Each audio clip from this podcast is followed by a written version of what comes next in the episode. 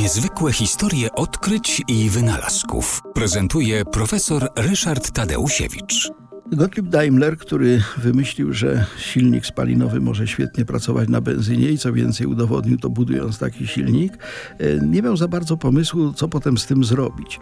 E, ponieważ jeździł na rowerze, więc w związku z tym do tego roweru doczepił ten silnik, odpowiednio go tam zmontował. Powstał w ten sposób pierwszy na świecie motorower, a właściwie motocykl, e, który no, był tak naprawdę pierwszym działającym pojazdem napędzanym silnikiem spalinowym.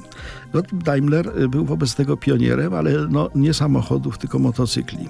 Natomiast y, pomysłem Gottlieba Daimlera i, że tak powiem, silnikiem spalinowym jego konstrukcji y, zainteresował się Karl Benz, przedsiębiorca, wynalazca, konstruktor i on zbudował a potem wykorzystał y, pierwszy samochód, pierwszy pojazd, na początku trójkołowy, potem czterokołowy, y, który rzeczywiście już y, no, przypominał współczesne pojazdy, w tym sensie, że, że, że jeździł rzeczywiście sam, bez jakiegokolwiek napędu, wykorzystywał siłę silnika spalinowego.